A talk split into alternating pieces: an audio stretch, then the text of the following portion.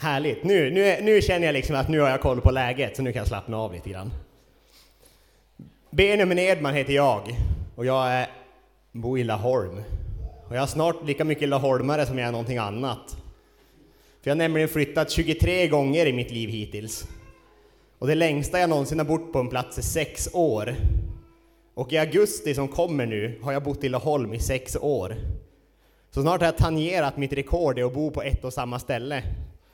Så det, det känns lite hemskt får jag erkänna.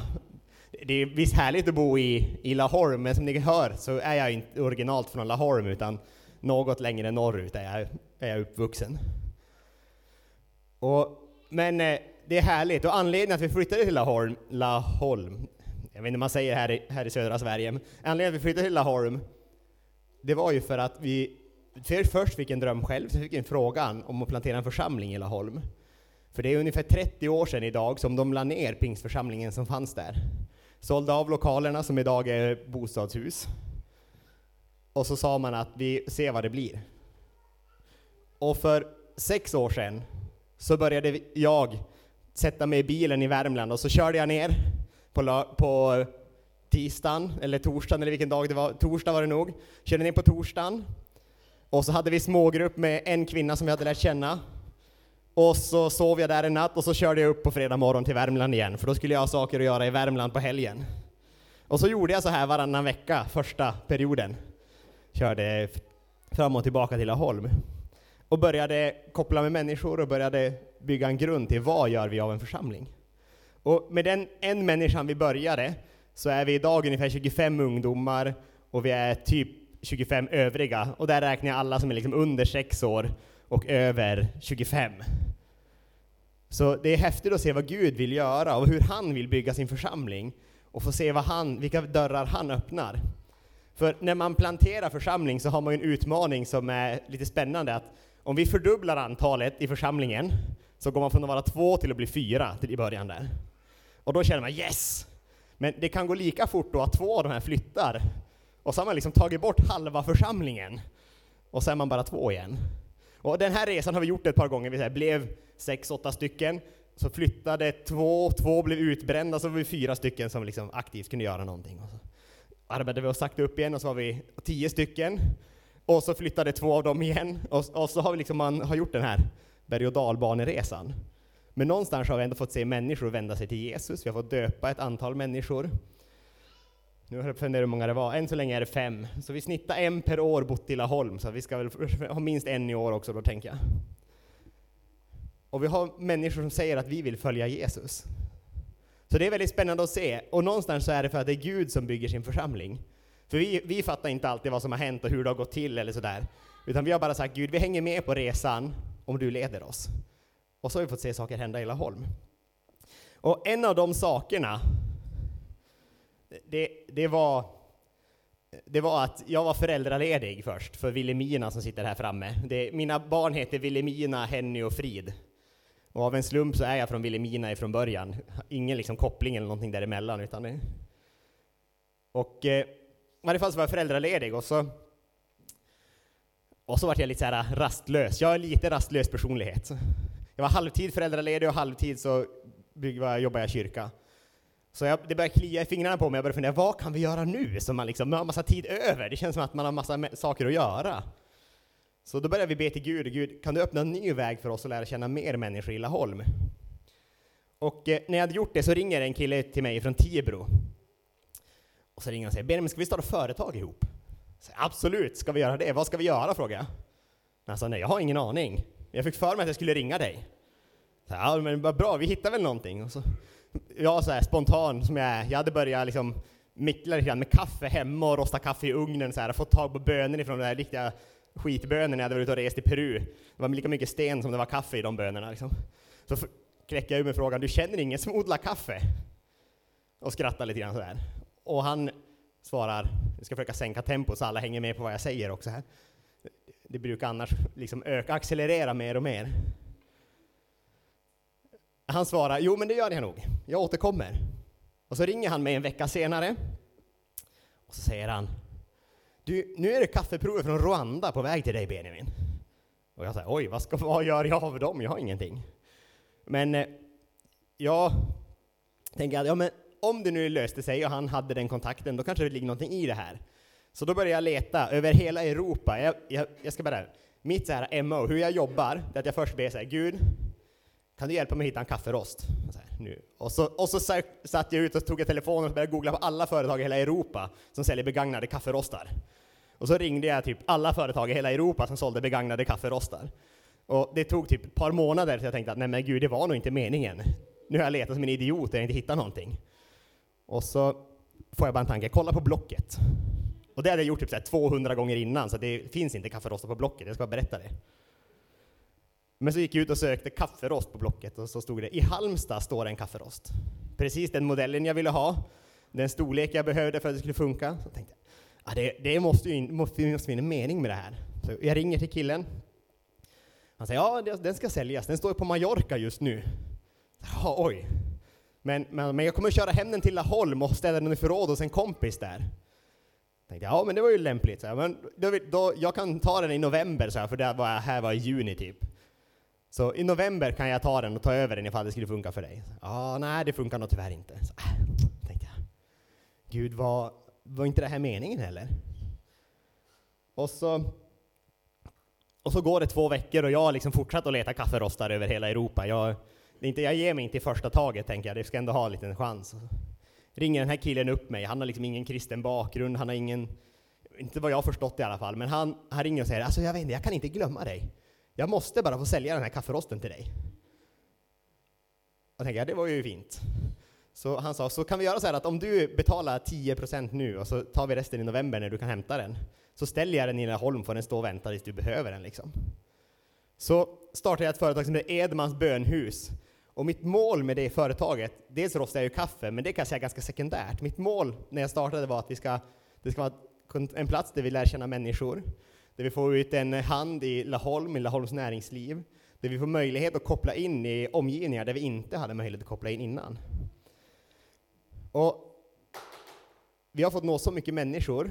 Vi har ännu inte fått se så många bli frälsta tack vare det, men så många samtal om Gud jag har haft. När någon har kommit till mitt rosteri och så skrattar de. Edmans bönhus. det kan man ju misstolka. Och så svarar jag, ja det är meningen. Och då blir de lite ställda, för, men vad menar du nu? Ja, men det är för att jag jobbar i kyrka, jag tror på Jesus. Och jag tror att det här är något som är viktigt. Jaha! Och så har man jätteintressanta samtal. Men det var bara en parentes. Jag vet att någon sa, jag hörde att det berättades förra gången, det var att jag faktiskt har ett kafferosteri. Så jag tänker att jag ska berätta lite bakgrund kring det. Men eh, så är det i alla fall. Så vi pular på i Laholm och vi kämpar och försöker hitta vägar och nå nya människor. Och framförallt så vet vi att Gud är lika stor i Laholm som han är i ställen där det är stora väckelser. Han är lika stor här i Bua som han är vars vi än tar vägen. Så kan Gud nå människor i Etiopien, då kan han nå människor i Bua, i Laholm, i Halmstad, i Varberg, i Falkenberg. För det är samma Gud vart vi än tar vägen. Nu har jag presentationen kvar, så nu ska jag snart börja predika. Vänta. Men vi ber en bön först. Tack Jesus för att vi får fästa blicken på dig. Jag tackar dig för att det är för din skull vi är här. Det är för det du gjorde på korset när du dog för våra synder som vi har samlats Jesus. Så jag tackar dig för att vi idag ska vi få vända vår förväntan till dig. Inte vad Benjamin ska göra eller vad Benjamin ska säga, utan det som du vill ha sagt via mig Jesus. Jag ber att det som är från dig, det ska verkligen få slå rot i våra hjärtan idag Jesus. Men det som är från Benjamin ska få in i ena örat och ut genom andra örat Jesus. Så att det är det som du vill ha med som ska bli grundat idag. Amen. Så, jag har bara ett bibelord idag. Och det är Saltaren 103, vers 1 till 22. Jag tror att det är hela, sal hela salmen. Jag vet inte, jag, inte koll, jag, jag minns inte, koll, jag tror att det var alla verser. Men vi ska börja med att läsa. Saltaren 103, vers 1-22. står det så här. Det är förresten bra, bra att någon, jag hörde någon slå upp i Bibeln här. Det är jättebra att man läser i sin egen Bibel, för jag skulle kunna lura er annars. Inte för att jag har för avsikt att göra det idag, men det är så viktigt att vi läser vår egen Bibel, att vi märker när någon säger någonting tokigt. För annars kan vi lätt bli vilseledda. Vi behöver hålla oss själva och ha vår egen relation med Gud och vår egen bibelläsande aktivt. Det var bara en parentes. Så här står det i alla fall. Lova Herren, min själ. Hela mitt inre, prisa hans heliga namn. Lova Herren min själ och glöm inte allt gott han gör. Han förlåter, alla, han förlåter dig alla dina synder och botar alla dina sjukdomar. Han friköper ditt liv från graven och kröner dig med nåd och barmhärtighet. Han mättar ditt begär med sitt goda så att du blir ung på nytt som en örn. Herren handlar rättfärdigt och skipar rätt för alla förtryckta. Han visade Moses sina vägar, Israels barn sina gärningar. Barmhärtig och nådig är Herren, sen till vrede och stor i nåd. Han går inte ständigt till rätta och behåller inte sin vrede för evigt. Han behandlar oss inte efter våra synder och lönar oss inte efter våra missgärningar. Så hög som himlen är över jorden, så väldig är hans nåd över dem som vördar honom. Så långt som öster är från väster, så långt avlägsnar han våra synder från oss. Så som en far förbarmar sig över barnen, så förbarmar sig Herren över dem som vördar honom. För han vet hur vi är skapade. Han tänker på att vi är stoft. Människans dagar är som gräset, hon blomstrar som blomman på ängen. Vinden sveper fram över den och den är borta. Dess plats minns den inte mer. Men Herrens nåd vara från evighet till evighet över dem som vördar honom och hans rättfärdighet ända till barnbarnen. När man håller hans förbund och tänker på hans befallningar och följer dem. Herren har grundat sin tron i himlen, hans rike råder över allt. Lova Herren, ni hans änglar, ni starka hjältar som utför hans befallningar, så snart ni hör ljudet av den.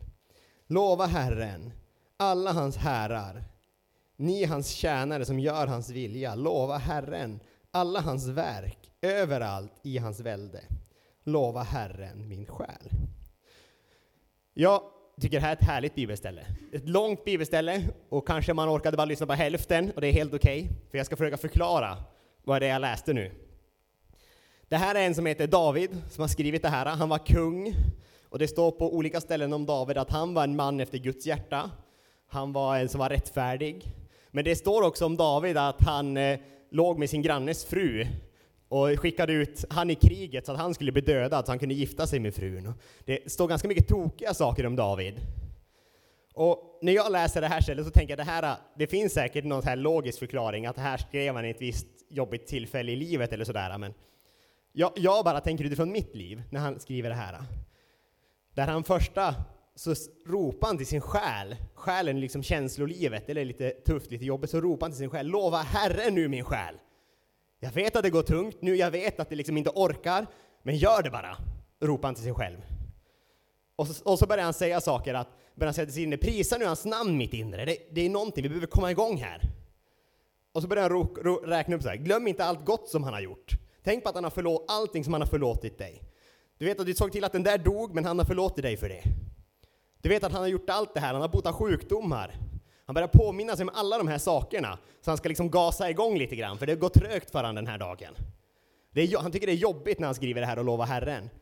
Ibland kanske man läser det här och tänker att han liksom glädje, liksom ropar i glädje, men jag, läser, jag ser det tvärtom. Han, han liksom är frustrerad, han tycker det är trögt. Äh, det är så kämpigt att prisa Gud just nu här i buar, om det nu skulle vara det. Så jag måste liksom elda, gasa igång mig lite grann.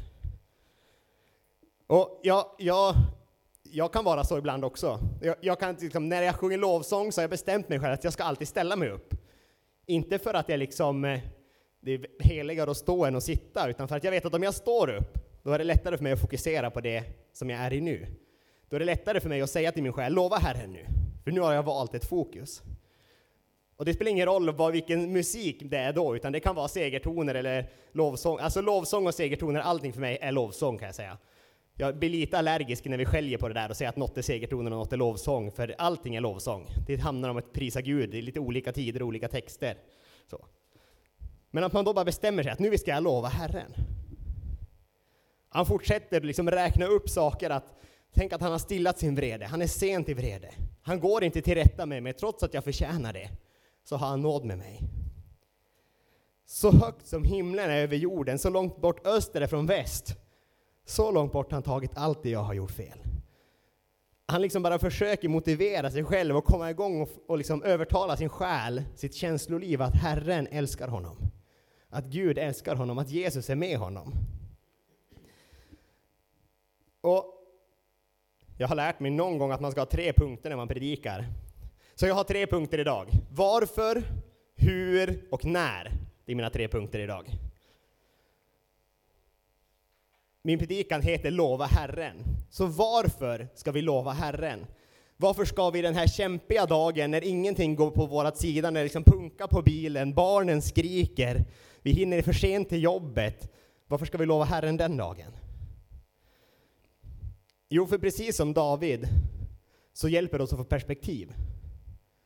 När det är som kämpigast, när det är som jobbigast, och vända blicken och säga, men tänk att Gud är större än mina omständigheter. Tänk att det spelar ingen roll att jag hade punka idag, för Gud har förlåtit mina synder. Han har tagit någonting som är så mycket större än det här lilla liksom, jobbiga som ligger framför just nu.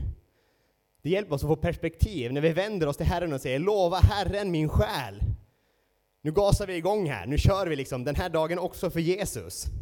Men alla dagar är inte härliga, men alla dagar kan vara för Jesus. Alla dagar kan vi ge våran själ och säga i själen nu, mitt i allt det här så prisar vi Jesus. Så varför gör vi det? Det hjälper oss att få perspektiv. Och det hjälper i alla situationer. Om vi är glada, ledsna, trötta, pigga, eh, peppade, opeppade, jag vet inte vad man säger. Så hjälper det oss att ställa in kompassen rätt. det är vansinnigt lätt att bara säga, nej men jag, jag, jag sköter mitt idag, Jesus du får vänta till på söndag. Men när vi varje dag säger till själen, när vi vaknar på morgonen och säger vi, okej okay, själen, idag ska vi lova Herren. Då kan man vakna och ha det ganska jobbigt när man vaknar, men vända dagen till glädje för att vi fokuserar på vad Jesus har gjort. Så det hjälper oss att få perspektiv. Och det funkar på alla platser. Vet du, det här kan man sitta och ropa i bilen. Jag jobbade i skola, jag jobbade på skola en period med elever som ingen annan lärare ville ha. Det var en ganska spännande uppgift. Det var så här, jag fick bara ett nytt namn, den här eleven ska du ha nu. Han har varit i skolan fem minuter den senaste veckan, för sen han inte väg, vägrar gå dit. Och vet ni vad jag gjorde då när jag åkte till skolan? Då började jag prisa Gud och säga Gud, nu vet jag att du kan förändra den här situationen. Du kan göra någonting åt det här. Jag hade ingen aning om vad jag skulle göra. Och så fick man möta de här människorna med det perspektivet. Att Gud, han har en plan för den här människan. Vet ni, det gör någonting med en. När man väljer att säga att mitt varför är därför att Gud har gjort något som är större än vad jag kan göra. Så varför prisar vi Herren? Det ger oss perspektiv, det ger oss tro på vår omgivning, på våra, män, på våra medmänniskor, på de som ingen annan tror på. För vet ni, Gud han tror på varenda en, vilken drullputte vi än är, så tror Gud på oss. Och det ger oss hopp.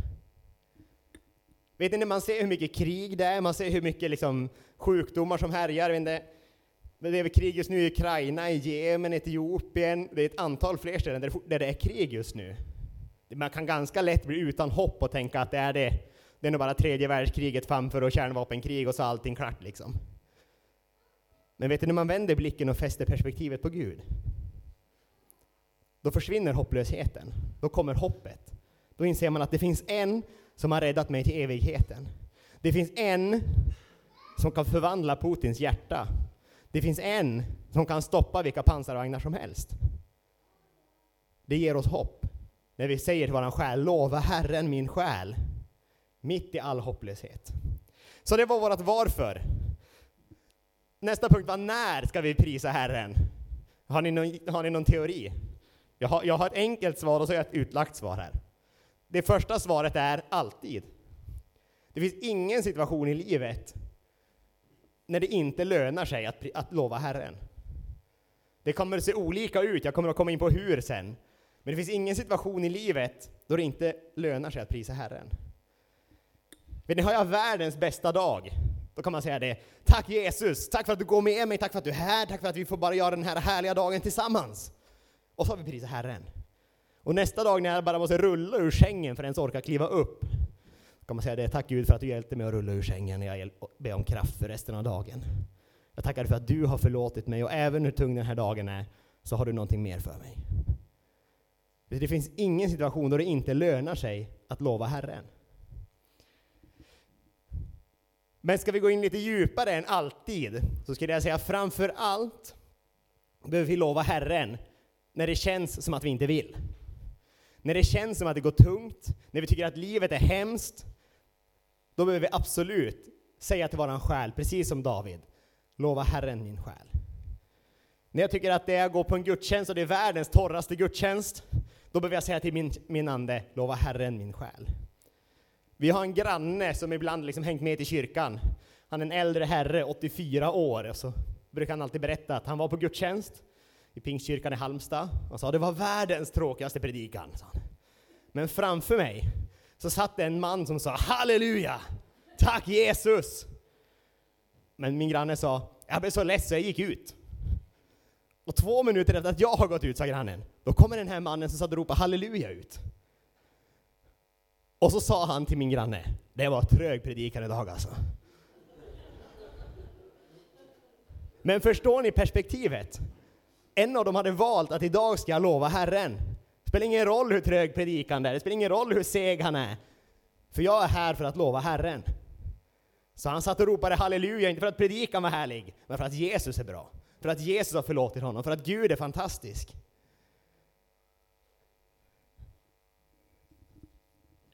Ni ska veta hur många saker jag och min fru har bara bestämt att vi ska lova oss igenom. När, vi, när livet är hemskt, vi krockade en bil förra sommaren, nu är det snart två år sedan.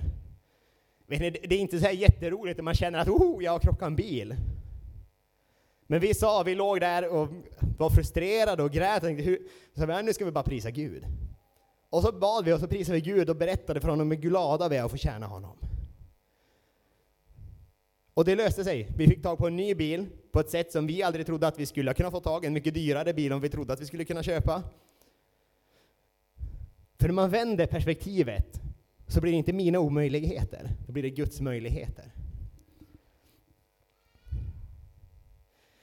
Att lova Herren är en livsstil och ett val. Det är inte en känsla. Att gifta sig med någon, det är ett livsstil och ett val. Det är inte alltid en känsla. Det är inte alltid fjärilar i magen varje dag man vaknar upp bredvid sin bättre hälft. Eller kanske bara jag som upplevt det så.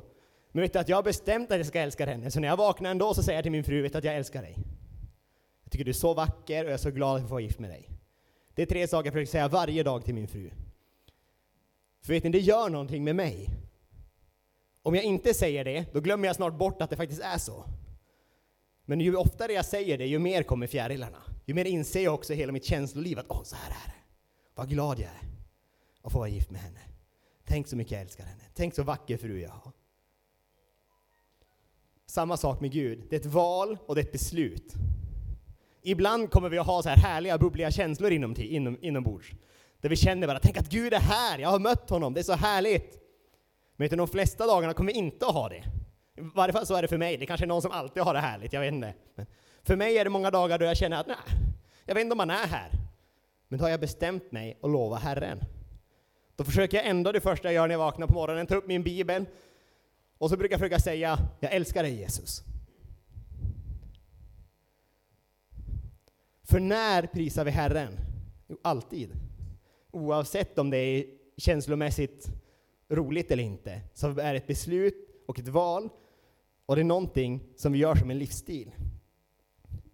Lovet formar oss att bli närma, komma närmare Jesus. Lovet formar oss att få större tro. Lovet formar oss och tro på vår omgivning. Lovet ger oss hopp. Så låt oss göra att lova Herren till en livsstil. Så när jag svarar på varför, och jag svarar på när, hänger ni med? Då ska vi svara på hur lovar vi Herren? Och jag har ju varit inne på flera småsaker redan innan, men det finns typ hur många sätt som helst att lova Herren. Jag har några så här enkla och konkreta här. En sätt är lovsång. Har jag en dålig dag, då brukar jag försöka starta lovsång när jag är ute och kör bil. Eller om jag liksom ska, när jag står i mitt rosteri och rostar kaffe så brukar jag alltid försöka på lovsång. För att någonstans där, när man sjunger med, även om jag bara sjunger med på slentrian i början, så ah, eldar man igång lite mer och lite mer. När man sjunger det, lova Herren min själ, och så inser man att man sjunger, åh ja, nu kör vi! Lovsång är ett fantastiskt redskap bara för att få komma och prisa Herren. Men det är inte det enda redskapet. Vet ni att glädjerop är också ett sätt att lova Herren. Roland, som är pastor i, var pastor i Kungsbacka, är pastor i Kungsbacka, beror på hur man ser på det, pastor i ett livskall, och han är kvar i Kungsbacka. Så att en gång stod jag i fikakö bakom honom, så här. helt vanlig fikakö. Vi andra stod och pratade om liksom, vilken bil körde du hit, och så, och så hör man Roland säga Jesus, jag älskar dig! Och vet ni, alla i hela kön började prisa Gud, för att liksom, vi blev så inspirerade, vi blev så uppmuntrade. Tänk att, tänk att vi får älska Jesus. Tänk vad han har gjort för mig.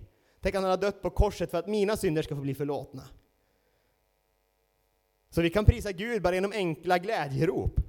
Genom att ropa halleluja mitt i en gudstjänst. Det behöver inte ens ha någon anledning att göra det. När någon sjunger lovsång, när de säger kollekttalet, så kan man bara halleluja! För vet ni, Gud, han är lika god om det är härligt eller inte. Och då väljer vi att vara lovande, för, lovande församlingar. Men det kan också vara en stilla bön som vi lovar Herren. Det måste inte vara extrovert och stort, utan det kan också vara att man vaknar på morgonen, man sitter i bänken, man sitter i bilen, man sitter på fikarasten på jobbet, man står framför ett klassrum med jobbiga elever. Så kan man bara stilla bön, tack Jesus för att du har dött för mig. Och så i den stilla bönen kan vi lova Herren.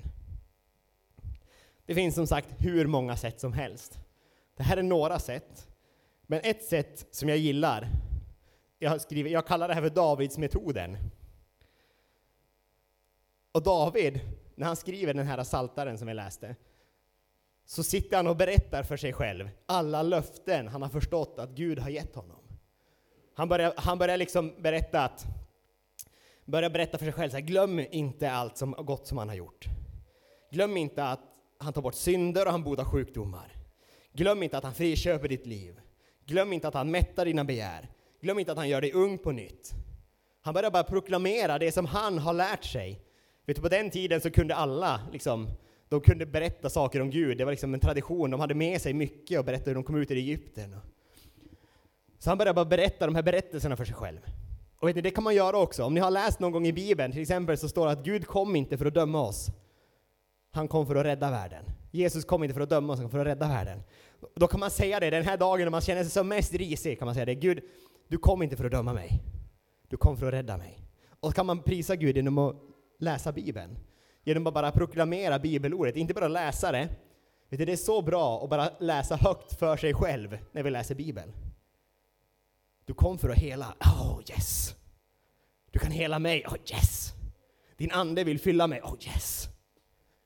Davidsmetoden kallar jag det. Han gör så i flera salmer. Att han bara liksom börjar berätta saker i salmerna, i sina sånger, för att peppa sig själv. Jag, jag, tror att det var för hans egen skull faktiskt. Han gjorde det säkert för andra också, men någonstans så grundade det sig i hans kamp för att komma nära Gud. Det står som sagt på ställen i Bibeln att han var en man efter Guds hjärta. Och det var inte för att han var perfekt, utan det var för att han hade bestämt sig och lova Herren genom alla situationer.